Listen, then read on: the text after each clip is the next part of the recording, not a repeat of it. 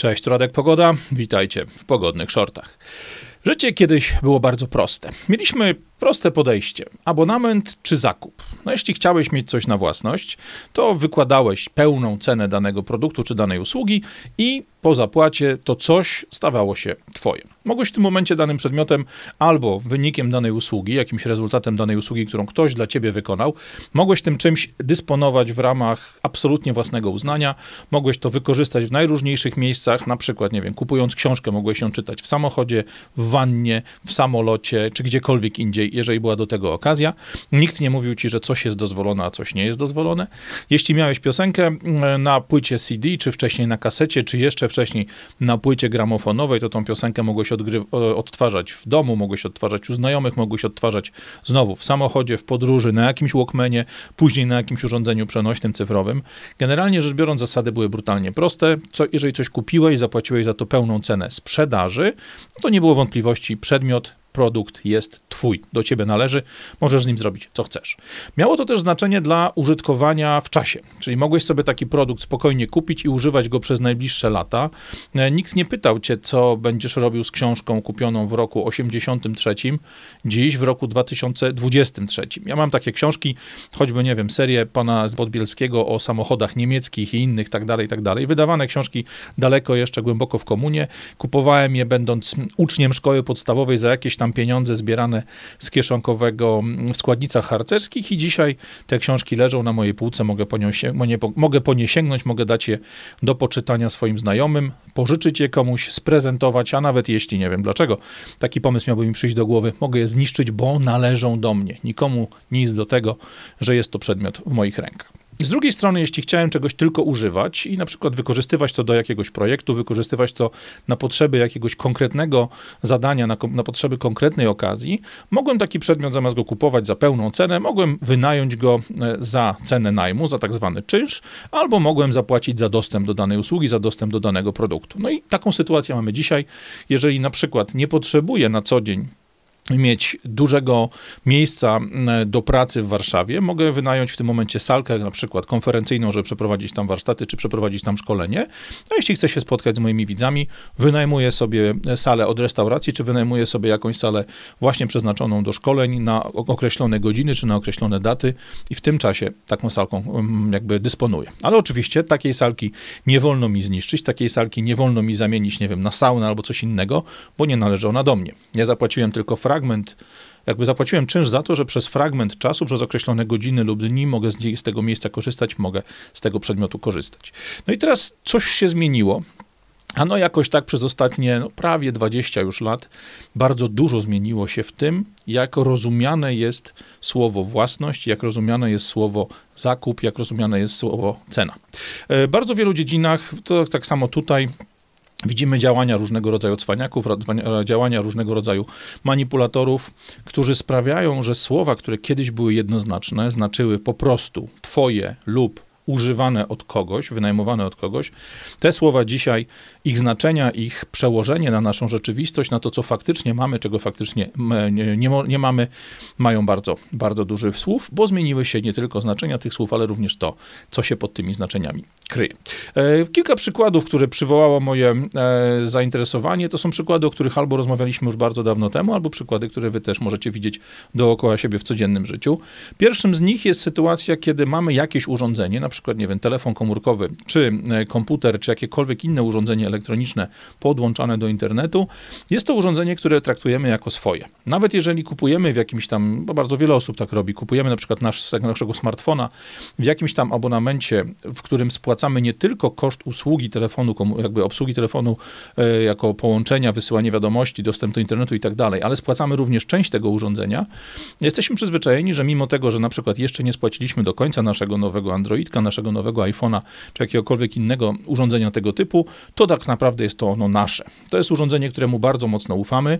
Mamy na nim aplikacje do banków, mamy na nim aplikacje, w których mamy wiadomości wysyłane do naszych znajomych, do naszej rodziny, do osób, które kochamy, do osób, których jakby bezpieczeństwo komunikacji z nimi jest dla nas absolutnie kluczowe.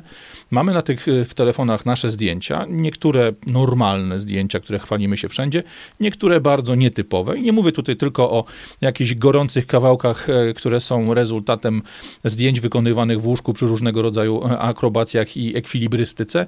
Mówię też o sytuacjach zupełnie przyziemnych, sytuacjach, w których nie chcemy, żeby ktoś oglądał nasze dzieci, kiedy siedzą z nami przy stole, żeby ktoś wiedział, gdzie mieszkamy, żeby ktoś wiedział tak dużo na nasz temat, jak niedawno demagog wyciągał panu Kulfonowi, obnażając tak naprawdę jego tożsamość.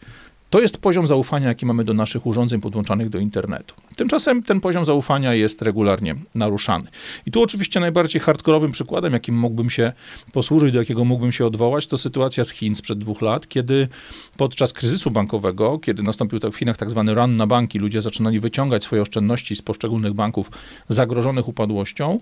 E, w tamtym czasie państwo chińskie, e, które mocno wspierał instytucje bankowe, jak zresztą każdy kraj na świecie, szczególnie taki, który funkcjonuje pod dyktando finansistów, państwo chińskie i chińskie służby specjalne specjalne zaczęły usuwać z telefonów e, ludzi, którzy poszli na demonstracje pod te banki, którzy poszli w ogóle demonstrować przed sytuacją blokowania ludziom dostępu do ich własnych pieniędzy, rząd chiński przez służby, przez operatorów komórkowych zaczął wchodzić automatycznie przez internet na telefony osób, które w takich demonstracjach brały udział i usuwać stamtąd zdjęcia, usuwać stamtąd nagrania, usuwać informacje, które dotyczyły tego, że dany protest, dane zamieszki, dane demonstracje w ogóle się odbyły. No i możemy sobie powiedzieć, no dobra, mówisz tutaj o Chinach, mówisz o jakichś rządach, które są mocno mm, zamordystyczne, mówimy tutaj o sytuacji tych powiedzmy, reżimów, które są kompletnie na bakier z prawami człowieka, na bakier z prawami obywatela, na bakier w ogóle z podejściem do prywatności, z podejściem do tego, że człowiek jest człowiekiem, a nie tylko częścią wielkiej e, społecznej maszyny.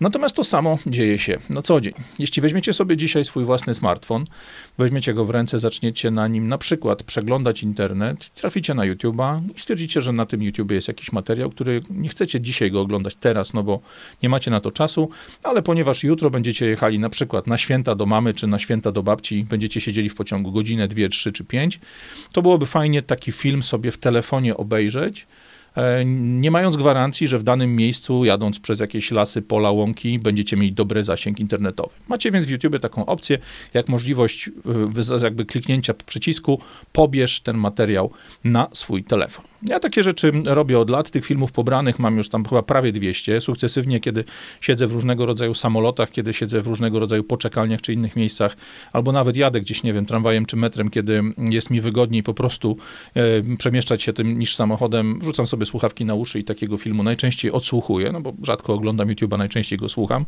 E, co się okazuje? Filmy, które w międzyczasie, między dniem, kiedy ja nagrałem go sobie, czytaj, ściągnąłem go na swoje urządzenie z tego YouTube'a, i dniem, w którym chciałbym go osłuchać, e, odsłuchać, okazuje się nagle, że ten film przestał się podobać YouTube'owi gdzieś w tym czasie między momentem ściągnięcia na moje urządzenie, a momentem, w którym chcę go zobaczyć, YouTube wszedł na mój telefon i go fizycznie stamtąd usunął.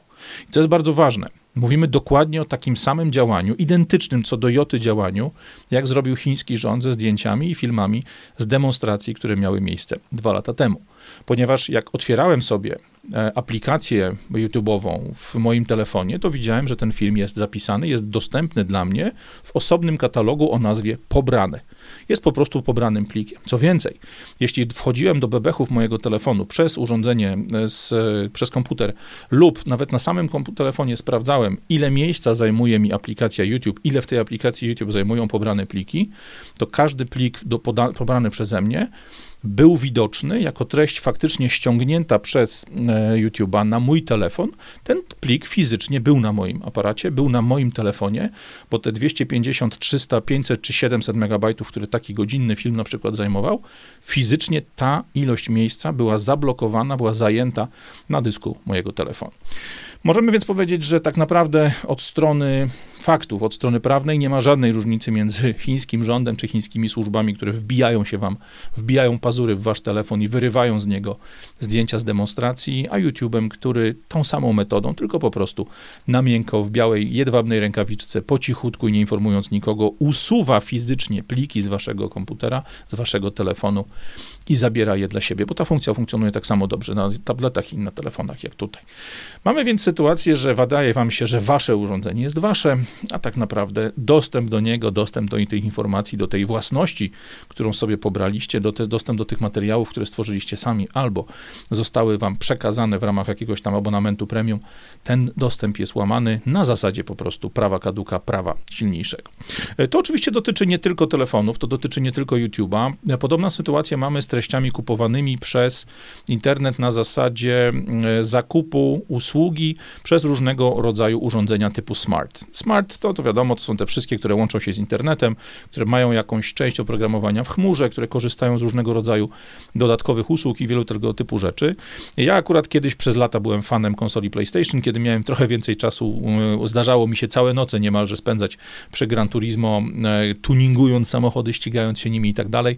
E, ten czas niestety przeminął, bo za dużo obowiązków na głowie, natomiast e, wiem, że jest wielu ludzi, zresztą wśród twoich znajomych, nawet takich 40-paroletnich jak ja, mam wielu fanów PlayStation, mam wielu fanów Xboxa, tych, tych rozwiązań technologicznych, które łączą fizyczne urządzenie, które stawiamy sobie w domu, jakiś fizyczny kontroler do sterowania tym sprzętem z treściami, które są podawane przez internet. I teraz, co jest ważne dla tych osób, które nie bawią się w gry, dzisiaj tak naprawdę gier nie kupuje się już w formie pudełkowej. Nie kupuje się już dzisiaj pudełka z wsadzonym do środka płytką Blu-ray czy płytką DVD, na której nagrane są pliki z treścią tej gry, z grafiką, z muzyką, z tekstami, dialogami itd., tak itd. Tak dzisiaj większość gier, w które nad którymi godzinami siedzą wasi znajomi czy wisami. Wiecie, e, większość tych gier sprzedawana jest w formie po prostu dostępu do zasobu internetowego. Jeśli chodzi o na przykład gry na PC, no to najpopularniejsze to Steam i wiele innych serwisów, gdzie logując się do takiego serwisu jak Steam, wewnątrz tego serwisu kupujecie sobie grę, płacąc pełną cenę, którą kiedyś zapłacilibyście na przykład w Empiku czy na aukcji internetowej za zakup płyty, i serwis Steam taką grę wam udostępnia, instalujecie sobie ją na swoim komputerze, gracie stamtąd. To samo dotyczy PlayStation.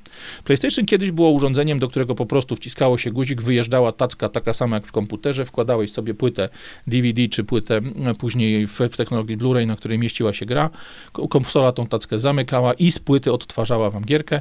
PlayStation dzisiaj, zresztą już od wielu, wielu lat, nie ma takiej opcji. Dzisiaj wszystkie pliki ściągane są przez internet, instalowane na dysku twardym konsoli PlayStation i z tego dysku twardego odbywa się całe granie. Wy po prostu gracie sobie na wirtualnej kopii gry, którą kupiliście za pełną cenę. To się jednak okazuje, oprócz gier na konsoli PlayStation znajdują się również różnego rodzaju programy rozrywkowe. Konsola PlayStation, tak jak e, telewizor typu smart, ma możliwość zapisywania odcinków serialu, ma możliwość udostępniania wam w ogóle różnego rodzaju filmów, seriali, tak samo jak Netflix, tak samo jak Kanal Plus czy inne usługi tego typu.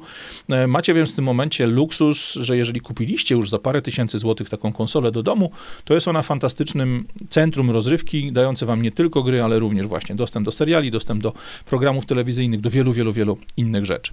Co się wydarzyło nie tak dawno temu? A no, nie, nie tak dawno temu PlayStation, czy tak naprawdę Sony, który jest właścicielem tej marki, rozwiązało swoją umowę, czy tam gdzieś mocno pokłóciło się z firmą Discovery Media. Discovery producentem wielu, wielu, wielu e, programów telewizyjnych, wielu filmów, wielu seriali, no w tym między innymi właścicielem naszego polskiego, czy tam polskiego w cudzysłowie, TVN-u. E, I na mocy tych problemów z umową o współpracy między Sony i Discovery, Sony wysłało informacje do swoich użytkowników, do użytkowników milionów konsol e, sprzedanych gdzieś tam w świat, o tym, że od dnia takiego to a takiego wymienione poniżej programy które ci ludzie kupili. Zapłacili za niepełną cenę, tak jak za płytę DVD, czy tak jak za jakiś inny nośnik, na którym ten program mogliby oglądać do końca swojego życia. Nagle okazuje się, że po e, tych problemach, które Sony miało właśnie z e, Discovery, wszystkie te programy będą dla tych osób niedostępne. E, czy to oznacza, że Sony oddało ludziom pieniądze, albo Discovery oddało za pomocą Sony pieniądze, które ludzie zapłacili za zakup danych filmów, za zakup danych seriali, za zakup danych odcinków? Oczywiście, że nie. To jest po prostu informacja, sugerująca jasno, e, dostępne dla ciebie, czy kupione przez ciebie odcinki serialu takiego to a takiego, od dnia tego i tego nie będą dla ciebie dostępne, bo poróżniliśmy się z ich producentem, z firmą Discovery. I sprawa zamknięta. Nikt się nie przejmuje tym, że ty nie wypożyczyłeś sobie tego serialu na chwilę, że ty ten serial teoretycznie kupiłeś, natomiast twoje prawo własności nie poszło razem z tym. Ta sama sytuacja e, jest powtarzana w innych różnych miejscach. My jest, weźmy sobie na przykład taki case, jak coś, co jest zarazem twoje i nie twoje. Tak samo jak ten odcinek serialu, który może wam się wydawać mało groźnym, mało ważnym elementem na mapie wszystkich działań codziennych takiego porządnego, poważnego człowieka. Popatrzmy sobie na taką instytucję, jaką jest chodnik przed przed domem. Załóżmy sobie, że mieszkasz w domku jakimś tam małym, większym, dużym, nie wiem, masz McMansion, masz jakiś wielki dworek szlachecki, czy zwykłą maleńką chatynkę postawioną gdzieś pod miastem, która okazuje się dużo tańsza w budowie, dużo tańsza w zakupie niż mieszkanie w centrum miasta. Natomiast przed tym domem masz kawałek chodnika. Czy ten chodnik jest ładny, brzydki, dziurawy, czy prosty, nie ma znaczenia. Chodnik jest chodnikiem. Od strony prawnej funkcjonuje tak samo i funkcjonuje w tym momencie jak kod w Alicji z Krainy Czarów, raz będąc prawdziwym, raz nie będąc prawdziwym, raz będąc twoim, a raz nie będąc twoim.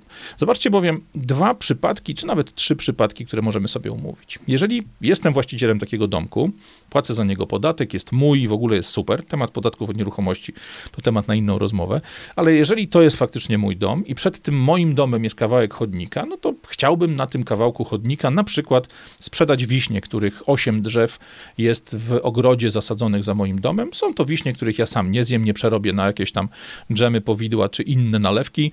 Chciałbym nadmiar tych wiśni sprzedać. No, najlepiej sprzedać to wprost przed moim domem, na tym kawałku chodnika, który jest bezpośrednio przed nim. W końcu mieszkam w jakiejś bocznej uliczce, nikt tam nie chodzi, nikt tam nie jeździ. Ten chodnik po prostu jest elementem wymaganym przez przepisy. Tak naprawdę nikomu nie będzie przeszkadzało, że postawię tam sobie skrzynkę z wiśniami i małe krzesełko wędkarskie, żeby osobom, które się będą kręcić w okolicy, zaproponować zakup tych wiśni. Nie wolno mi tego zrobić. Prawo polskie oznacza, jakby określa, że chodnik przed twoim domem nie jest twój, jeżeli chcesz go wykorzystać jako sposób zarabiania. Musisz się dogadać z władzami miasta albo z władzami gminy czy, czy miejscowości, w której mieszkasz, żebyś na swoim teoretycznie chodniku mógł prowadzić sprzedaż swoich wiśni. To samo dotyczy sytuacji, w której chciałbyś postawić tam reklamę i nieważne, czy to będzie reklama komercyjna na zasadzie zapraszam do zakupu wiśni, które za płotem sprzedaję ze swojego garażu, czy reklama niekomercyjna, na przykład wyborcza, czy reklama jakiejś, nie wiem, kampanii społecznej, czy choćby billboard, który zachęca ludzi do przekazania jednego procenta podatku na jakąś tam fundację i tak dalej, i tak dalej.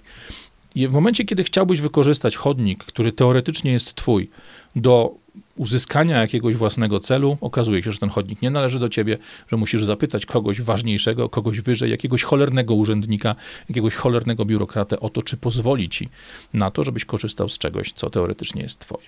Natomiast jeżeli przychodzi zima i okazuje się, że na tym chodniku leży śnieg, to Straż Miejska albo Straż Gminna twojego, twojej miejscowości może przyjechać do ciebie i przypierdzielić ci solidny mandat za to, że chodnik, który do ciebie należy, jest nieodśnieżony.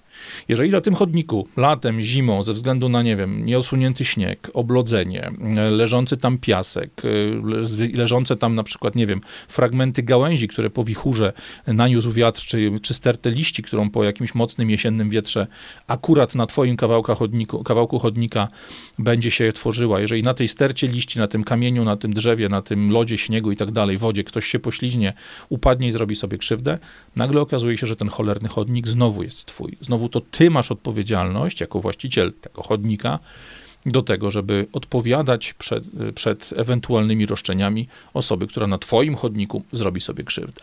Mamy więc sytuację, w której właśnie jak kod walicji czarów, chodnik jest twój, kiedy trzeba ponosić tego koszty i odpowiedzialność i nie jest twój, jeśli ty chciałbyś na nim zarabiać, jeśli to ty chciałbyś na tym korzystać. Te same sytuacje powtarzają się w wielu innych miejscach. Tu znowu wchodzimy do internetu. Mamy takie platformy jak YouTube, na której w tej chwili się widzimy, takie platformy jak Twitter, takie platformy jak choćby Facebook, czy wiele, wiele innych w skali całego świata. Problem ten jakby wyniknął głównie w latach 2015-2020 kiedy wokół wyborów e, prezydenta Trumpa na stanowisko prezydenta Stanów Zjednoczonych rozgorzała mocna debata na temat tego, jakie są prawa, jakie są obowiązki platform internetowych.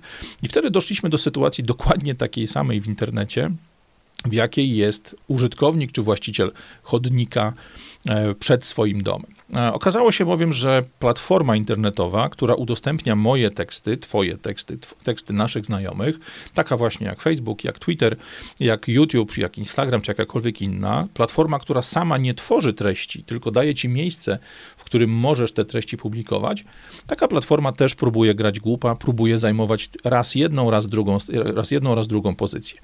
Kiedy im to pasuje, twierdzą, że są wydawcą, czyli mogą na przykład usunąć twoje niegrzeczne teksty na temat nowego rządu, twoje niegrzeczne teksty.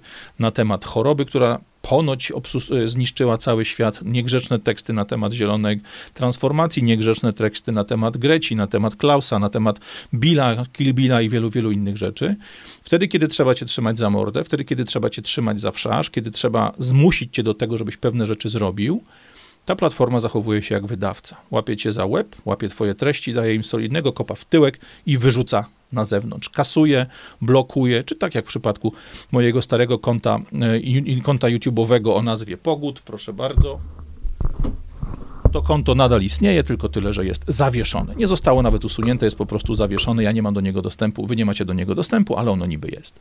Wtedy te platformy zachowują się po prostu jako wydawcy, jako osoby czy instytucje, które są władne dysponować tym, co na danej platformie się znajduje. Natomiast jeżeli ktoś chciałby na przykład przywalić Facebookowi, Twitterowi, YouTube'owi jakąś karę, jakieś odszkodowanie za szkody, które użytkownik takiego, takiej platformy, takiego YouTube'a, takiego Twittera czy takiego Instagrama odniósł ze względu na to, że na tej platformie pojawiła się na przykład, nie wiem, jakaś instrukcja odchudzania, która doprowadziła kogoś do, do śmierci, do kłopotów żołądkowych czy zniszczyła mu zdrowie, wtedy platforma internetowa, która taki przepis na cudowną dietę, taki przepis na cudowne odchudzanie zamieściła, powie, ależ nie, my nie jesteśmy wydawcą. My jesteśmy tylko platformą, my jesteśmy tylko tą agorą, tym miejscem spotkań, tą przestrzenią wspólną dla naszych użytkowników, którzy publikują tam co chcą. Jeżeli macie problem, bo jakaś gwiazda przez próbę odchudzania zbliżyła się do Aramion Kostuchy, to nie my jesteśmy odpowiedzialni. Idźcie do autora, to niech autora szarpią za nerkę. Mamy więc sytuację, w której te same idiotyczne przepisy, to samo dwustronne, czy tak naprawdę zamienne, tak jak komu wygodnie podejście do treści publikowanych w danym miejscu, przybierają formy, e, właśnie przybierają platformy, przybierają e, zarządy, czy właściciele tego typu produktów, tego typu usług. Natomiast ten problem związany z odcinaniem nas od naszej własności, z odcinaniem nas od możliwości pełnego dysponowania takim miejscem, jak choćby konto YouTube'owe, konto Twitterowe, czy konto na Instagramie, gdzie publikujemy treści, które byśmy chcieli, czyli traktujemy siebie jako właścicieli tego czegoś, co sami stworzyliśmy własnymi tekstami, własnymi zdjęciami, własnymi filmami wypełniliśmy, to jest nasze. Takie same rzeczy dzieją się też w świecie fizycznym. Mówimy tutaj oczywiście o czymś, co się kiedyś nazywało planowaną nieprzydatnością, a tak naprawdę bardzo często mówi się o e, systemach czy o narzędziach do uniemożliwiania napraw. E, jedna z takich grubych spraw, która wypłynęła parę lat temu, e, kiedy Apple Computers wprowadzało nową gamę produktów, jakąś tam MacBook Pro, z tak zwaną klawiaturą typu Butterfly. To były klawisze, które były dużo mniejsze, sama konstrukcja była bardzo cieniutka, bardzo malutka, sprawiała, że ok, gorzej się na tym pisało, bo faktycznie pisało się na tym bardzo, bardzo średnio, natomiast przez przez to, że sama konstrukcja klawisza i samego przyciśnięcia jego była bardzo, bardzo cieniutka, okazywało się, że da się zrobić bardzo dobrze działający, grub, jakby mocarny komputer, który jest super cienki, super lekki, na którym się dobrze pracuje, bo po prostu można go przenosić ze sobą w różne miejsca. Tyle tylko, że za zmianą tej klawiatury poszła kompletna zmiana systemu i samej technologii, która się w tym kryje. Między innymi zmiany też poddane zostały tak zwane trackpady, czyli te przestrzenie, te miejsca na komputerze, na których palcem po prostu jak myszką sterujesz tym, gdzie w danym miejscu, w danym momencie znajdziesz znajduje się kursor, gdzie klikniesz, co naciśniesz. E, kiedy ludzie z niezależnych serwisów Apple zaczęli robić testy e, i sprawdzać, jak, w jaki sposób można by tego typu rozwiązania, te wadliwe trackpady, które się po prostu psuły nagminnie, jak można by je naprawiać, okazało się, że nadepnęli na minę. E, naprawa takiego trackpada, tak naprawdę nie naprawa, jego całkowita wymiana, w serwisie Apple'a w tamtych latach oznaczała wydatek rzędu 750 dolarów, no to jest niemała kwota nawet dzisiaj, Natomiast co jest ważne, te 750 dolarów płaciło się nawet w sytuacji, w której do naprawy szedł komputer wart powiedzmy 1200 dołków. Czyli mieliśmy sytuację, w której nowy komputer kosztuje 1200, a sama naprawa elementu, który zepsuł się w trakcie, kosztuje 750. E, Apple podchodziło do tego w jeszcze bardziej hardkorowy sposób, wymieniając wszystko to, co w bebechach tego komputera się działo. Efekt był więc taki, że nie tylko musieliście zapłacić prawie jeszcze raz tyle samo za komputer, który został wam naprawiony, co za nowy, ale również traciliście wszystkie dane, które na tym komputerze były zapisane. Dla mnie osobiście nie byłby to wielki problem, bo zawsze robię sobie backupy moich danych, czyli zawsze przynajmniej dwa dyski z całą zawartością mojego komputera przenośnego są gdzieś e, zachowane, jeden w domu, jeden w studiu i tak dalej, i tak dalej. Ja nic nie tracę, ale masa ludzi, którym zepsuł się ten cholerny trackpad, nagle okazywało się, że nie tylko muszą zapłacić ogromne pieniądze za naprawę, ale również stracili wszystkie dane, wszystkie zdjęcia, wszystkie dokumenty, całą historię, wszystkie aplikacje, które w danym komputerze były na dysku twardym. Co się okazało, gdy zrobili, e, gdy testy zrobili właśnie niezależni e, ludzie, ludzie z niezależnych serwisów od sprzętu IT. Okazało się, że problem leży w jakimś maleńkim rezystorku, który pełnił rolę bezpiecznika. On przenosił jakieś mikronapięcie typu 3 V, no to jest tyle co w dwóch bateriach paluszkach. E, I okazało się, że wystarczyło ten jeden, jedyny element, 3V bezpiecznik, no bezpiecznik w cudzysłowie, wymienić na nowy, po prostu odlutować go w to miejsce, wstawić nowy, który ma te same parametry i cała naprawa z rozkręceniem sprzętu kosztowała między 25 a 30, 32, 33 dolary, w zależności od tego, jak dużo trzeba było operacji wykonać. Zamiast płacić 750 dolarów i tracić wszystkie dane, można było za 25-30 dolarów naprawić sprzęt, nie powodując przy tym śmieci, nie powodując przy tym potrzeby budowania następnego komputera, nie nakręcając tego wszystkiego, z czym ponoć Apple walczy, czyli z tym, żeby produkować elektrośmieci. Obłuda, skandal i tak naprawdę próba zarobienia na kliencie, który miał pecha, nie wykupując sobie przedłużonej gwarancji, nie wykupując sobie pakietu serwisowego. I te pakiety serwisowe mają też do czynienia, znaczy mamy z nimi do czynienia w sytuacjach, które są dużo, dużo grubsze i kosztują dużo większe pieniądze niż w przypadku aplowskich komputerów. Tu wezmę na tapet przykład dwóch firm. E, pierwszą z nich jest producent traktorów i sprzętu rolniczego, firma John Deere. John Deere ma całą ogromną gamę produktów rolniczych, od rzeczy takich najbardziej skomplikowanych jak kombajny, jak właśnie ciągniki, czy tam, jak to my nazywamy popularnie, traktory, ale John Deere produkuje też masę innego sprzętu, natomiast co jest ważne, ten sprzęt najbardziej cenny, czyli właśnie ten sprzęt samojezdny, kombajny, e, ciągniki i tak dalej, i tak dalej, ten sprzęt od paru lat wyposażany jest w oprogramowanie, które sprawia, że nawet po okresie gwarancji nie wolno ich naprawiać, nie wolno tych sprzętów naprawiać poza autoryzowanymi serwisami. Mówimy tutaj o zabawkach, które kosztują po kilkaset tysięcy dolarów, a nie 1200 dolarów, tak jak nowy laptop Apple'a. Mówimy o sprzętach, które kosztują miliony złotych w przeliczeniu, o sprzętach, które muszą pracować, szczególnie wtedy, kiedy jest sezon do obsiewu, kiedy jest sezon do zbiorów, kiedy jest sezon do żniw bo to są te wąziutkie okienka czasowe, zwykle kilka dni, czy maksymalnie kilka tygodni, kiedy rolnik, kiedy farmer musi zdążyć wykonać ogromną ilość czynności z użyciem tego jednego traktora, który posiada, z użyciem tego jednego kombajnu, który posiada, albo jeżeli jest to firma świadcząca usługi rolnicze, no to mając kilkanaście nawet traktorów czy kilkanaście kombajnów, te sprzęty są serwisowane, są przygotowywane przed, taką, przed takim sezonem prac, na poziom jakby absolutnego, absolutnej perfekcji, natomiast jeśli coś się stanie w trakcie, no to wypadnięcie e, technologiczne, awaria takiego urządzenia w trakcie, niemożność jego użytkowania, to są ogromne straty, które bardzo często kończą się karami od firm e, rolniczych, które wynajęły sobie taką usługę, kupiły sobie taką usługę. To jest wielki, wielki problem. Co robił John Deere? John Deere zaczął do swoich maszyn wpisywać kod elektroniczny, który sprawiał, że wymiana pewnych komponentów albo naprawa wykonana poza autoryzowanym serwisem Johna Deere'a, e, serwisem bardzo drogim, bardzo często jakby bazującym na to, że ma ogromne ceny za w miarę proste czynności, że taka naprawa unieruchomiała sprzęty. To jest to samo dokładnie, co niemożliwość, czy znaczy jakby próba e, kasowania wielokrotności, 20-30-krotności kosztów prawdziwej naprawy w ramach strategii Apple'a, czy bardzo wiele innych zagrań, o których dzisiaj już rozmawialiśmy. To jest sposób, w jaki można prostą linijką kodu zablokować użytkownikowi możliwość korzystania ze sprzętu, który kupił, który do niego należy. I mimo tego, że firma dostała pełną cenę za ten combine, traktor, czy w przypadku komputera za ten nieszczęsny komputer czy telefon, osoba, która zapłaciła tą cenę, która teoretycznie jest właścicielem tego sprzętu, ma nadal założoną na kark twardą obrożę i krótką smycz, która pozwala mu wykonać pewne określone czynności, ale pewnych innych już nie. E, myślicie, że to cecha tylko wrednych amerykańskich korporacji, Facebooków, Twitterów, YouTube'ów, e, Johna Deere'a czy Apple'a? Nic wręcz bardziej mylnego. Takie przykłady bowiem mamy również w Polsce. I tutaj dwa najbardziej słynne, może inaczej. Jeden, który wiele osób nie rozpoznaje w ogóle jako problem, e, a jest znany. I drugi, który już jest nagłaśniany powolutku jako prawdziwa awantura, jako prawdziwa, gruba, gruba akcja. Pierwszym z nich to jest problem, kiedy, czy sytuacja, w której producent tak na miękko, tak softowo, lightowo zmusza was do tego, albo inaczej, bardzo usilnie nakłania do tego, abyście korzystali z usług jego jakby służb serwisowych dużo dłużej niż jest to dla was wygodne, dużo dłużej niż jest to dla was opłacalne.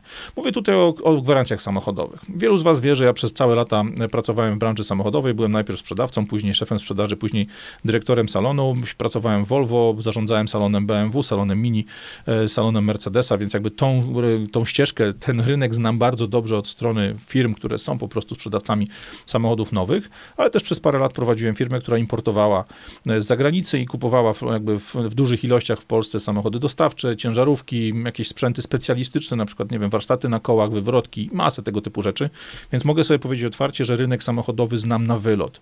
Zarówno jako przedstawiciel dealera, oso osoba czy organizacja, która sprzedaje samochody nowe, te z najwyższej półki, jak i człowiek, który pomagał ludziom, nie wiem, załatwić kredyt czy leasing na, na stare auto warte, nie wiem, 20 tysięcy złotych, czy na przykład dla jakiejś tam firmy sprowadzał dwuletniego czy trzyletniego busa z pełnym wyposażeniem warsztatowym, bo taki był akurat potrzebny. Znam ten rynek do bólu, znam ten rynek od strony zarówno usług, które są tam sprzedawane, polityk, które są wdrażane, ale również takiej rzeczy, jak kwestii gwarancji. Jak popatrzycie sobie dzisiaj na rynek samochodowy, zresztą od lat to funkcjonuje tak samo, na tym rynku standardem jest gwarancja na produkt, na, na, nowe auto, która trwa mniej więcej dwa lata. Najczęściej jest tak, że jest to gwarancja właśnie dwuletnia albo rok gwarancji i rok tak zwanych bezpłatnych napraw.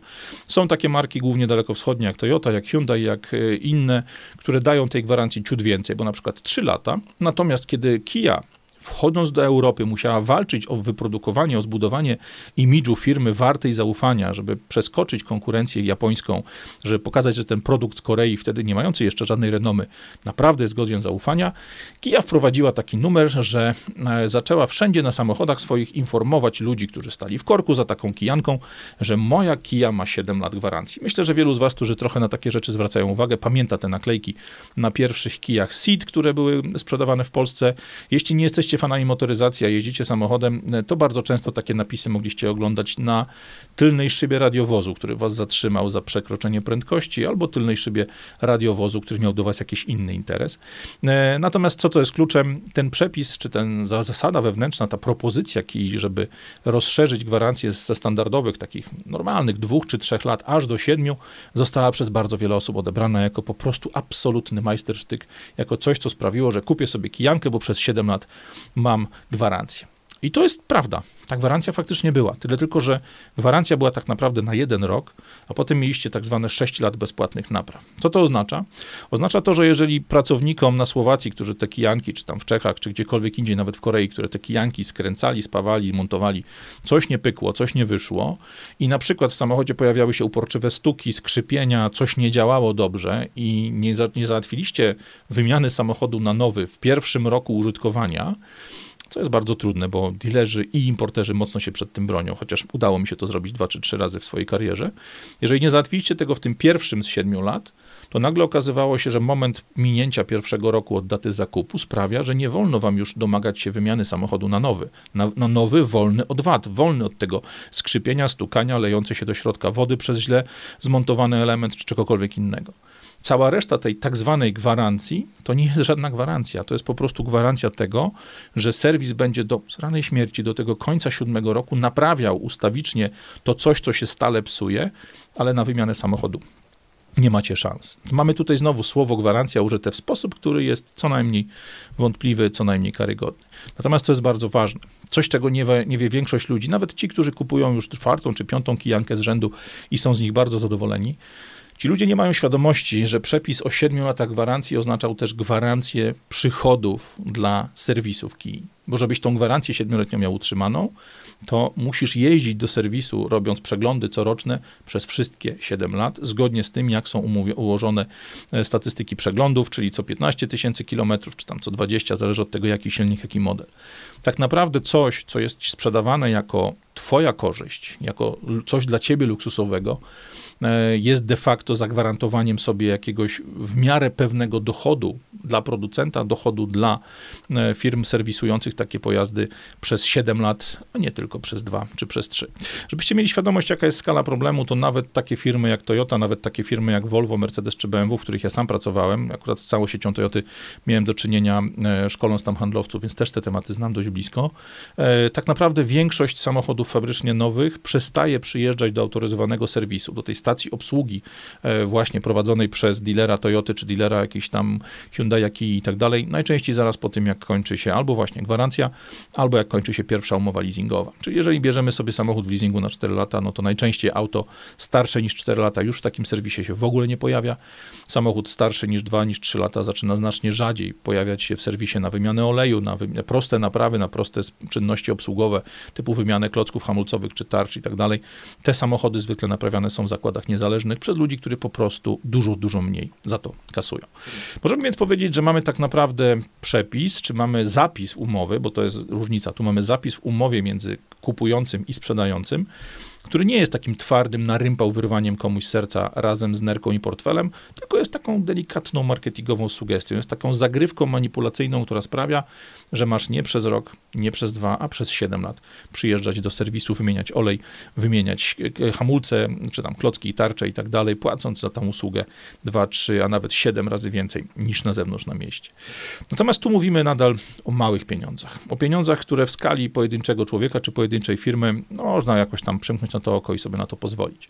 Natomiast podobne ruchy, tylko już nie na miękko, tylko już z wykorzystaniem hardkorowych zagrywek, odbywają się też w transakcjach, gdzie w, grze, w grę wchodzi, wchodzą miliony złotych. Mówię tutaj o sytuacji, która w tej chwili dopiero nabiera w Polsce yy, tak naprawdę wydźwięku. To jest sytuacja związana z pociągami podmiejskimi, czy w ogóle pociągami firmy Newak. Newak to jest wielki producent yy, pojazdów szynowych, yy, głównie pociągów, ale również w Gliwicach produkują lokomotywy. Ja te lokomotywy dobrze znam, bo jako pierwsza firma w Polsce moja firma kupowała je, kiedy się tylko na rynku pojawiła. Wynajmowaliśmy je też przez wiele lat. Ja te lokomotywy, tymi lokomotywami zawodowo się zajmowałem Także tą branżę również znam bardzo dobrze. Natomiast co jest ważne, bardzo dobre, bardzo udane pociągi 45WE, tak zwane impulsy, od Newagu właśnie kupiła, kupiły koleje dolnośląskie i kilku innych polskich regionalnych przewoźników. I co się teraz dzieje? Takie pociągi firmy przewozowe należące do województw kupują zawsze na podstawie przetargu. No, w przetargu jest wiele różnych aspektów, e, ale zawsze wiadomo, że jeśli zakup przetargowy, no to po to, żeby między innymi otrzymać najlepszą cenę, no bo przetarg to taka odwrócona aukcja, że wygrywa ten, kto za swój produkt chce najmniej.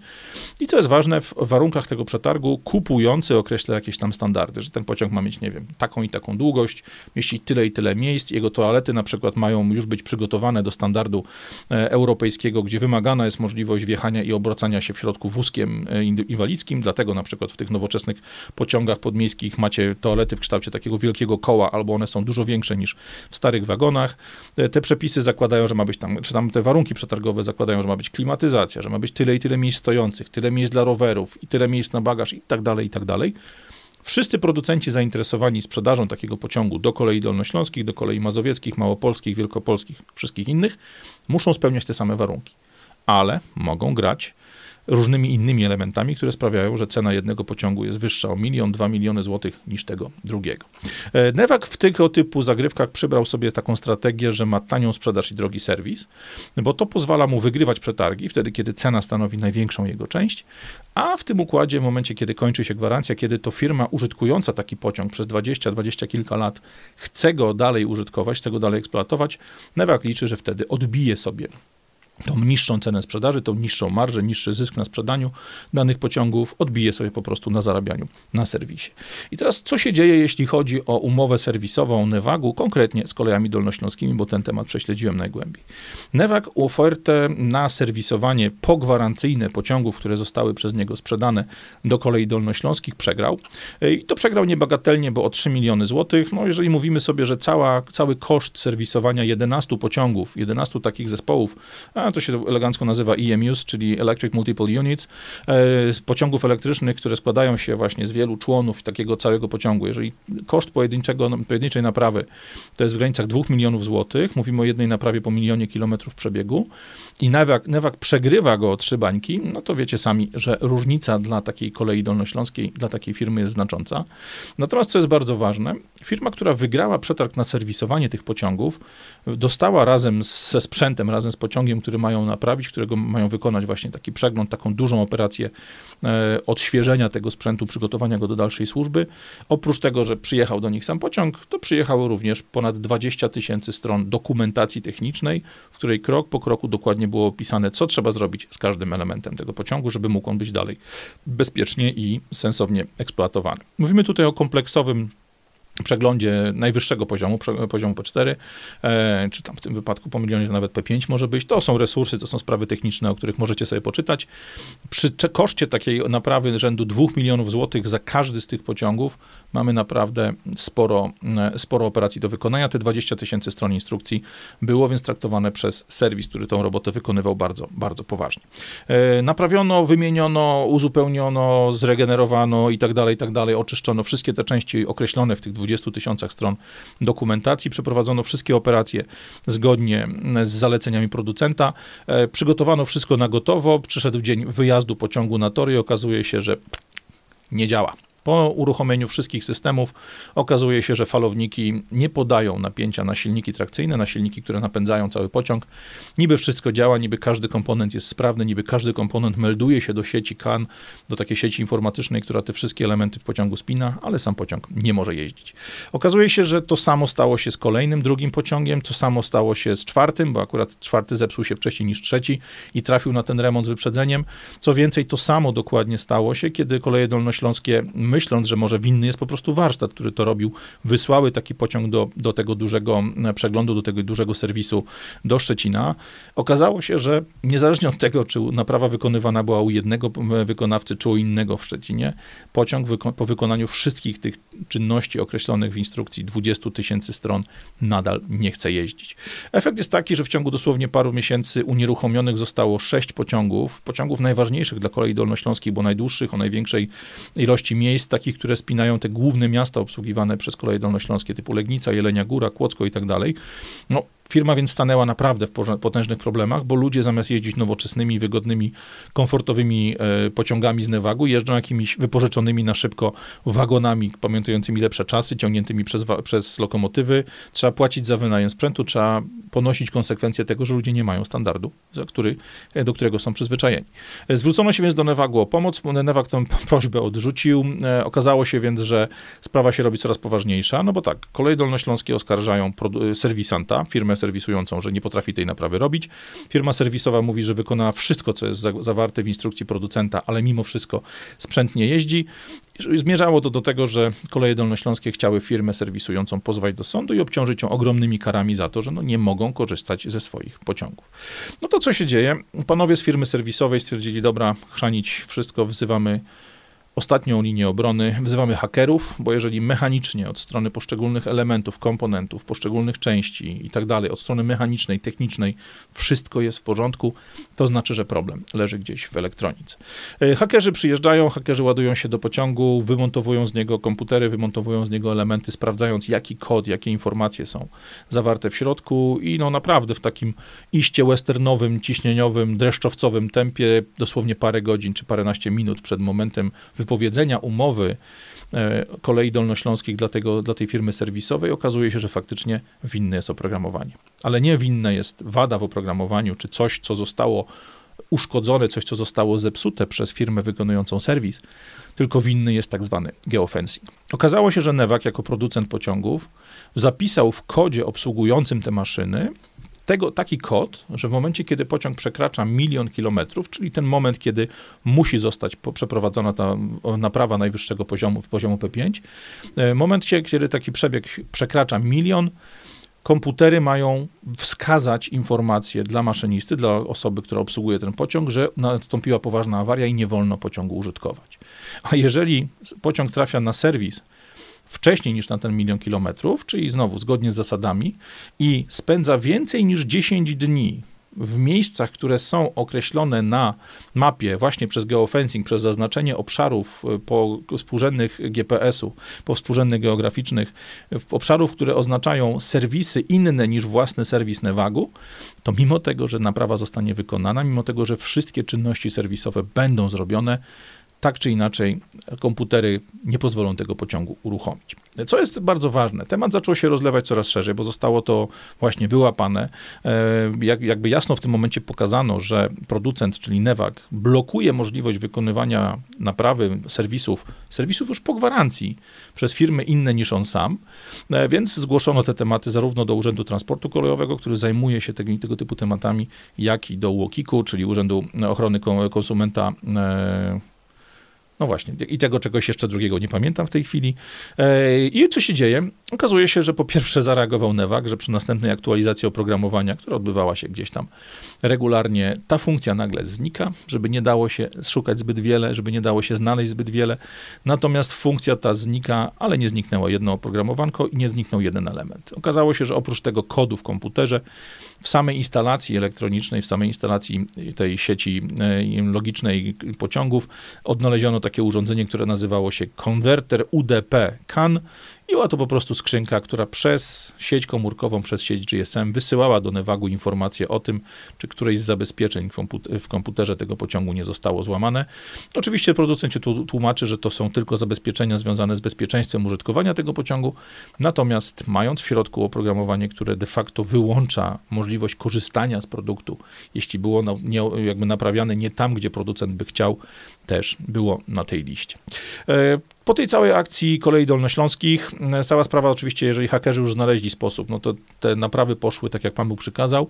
Natomiast e, idąc za ciosem, również przedstawiciele innych firm zajmujących się przewozami pasażerów wojewódzkimi, czyli różne te inni, przewoźnicy poddali takiemu badaniu 29 pociągów Nevagu, które są w Polsce użytkowane. Co się okazało, z tych 29 aż 25, czy tam, przepraszam, aż 24 miały dokładnie to samo oprogramowanie. Oprogramowanie, które na podstawie danych z GPS-u, danych nawigacyjnych, wykrywało postój takiego pociągu przez okres dłuższy niż 10 dni w warsztacie innym niż warsztat producenta, niż warsztat Nevagu. Jeżeli ten postój faktycznie tam był odnotowany, pociąg, mimo tego, że wszystko z nim było w porządku, mimo tego, że nie było żadnej awarii, pociąg po prostu nie jeździł. Pociąg nie pozwalał, pozwalał się uruchomić, pozwalał włączyć światła, uruchomić klimatyzację, to, tamto, siamto, wszystko działało, ale pociąg po prostu nie jechał.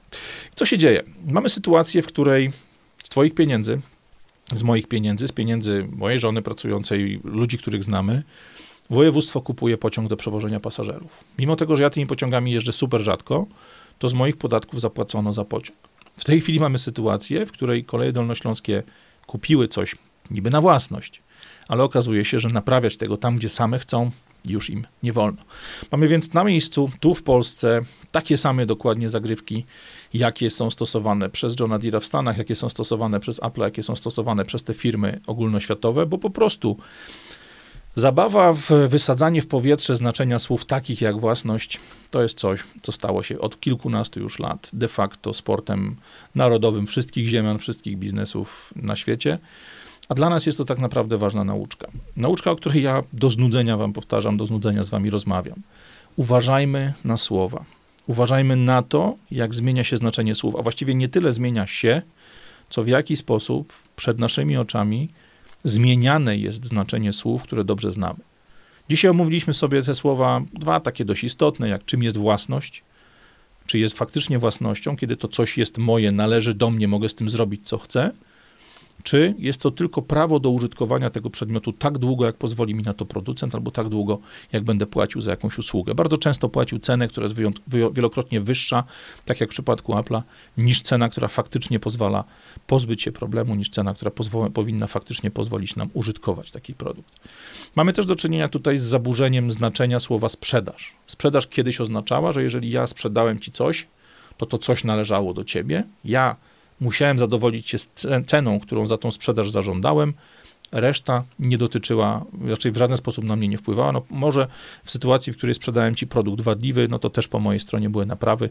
Była kwestia utrzymania tego produktu w, przez okres gwarancji, którą ci dałem w ramach sprzedaży e, w pełnej sprawności, w pełnej możliwości wykorzystania.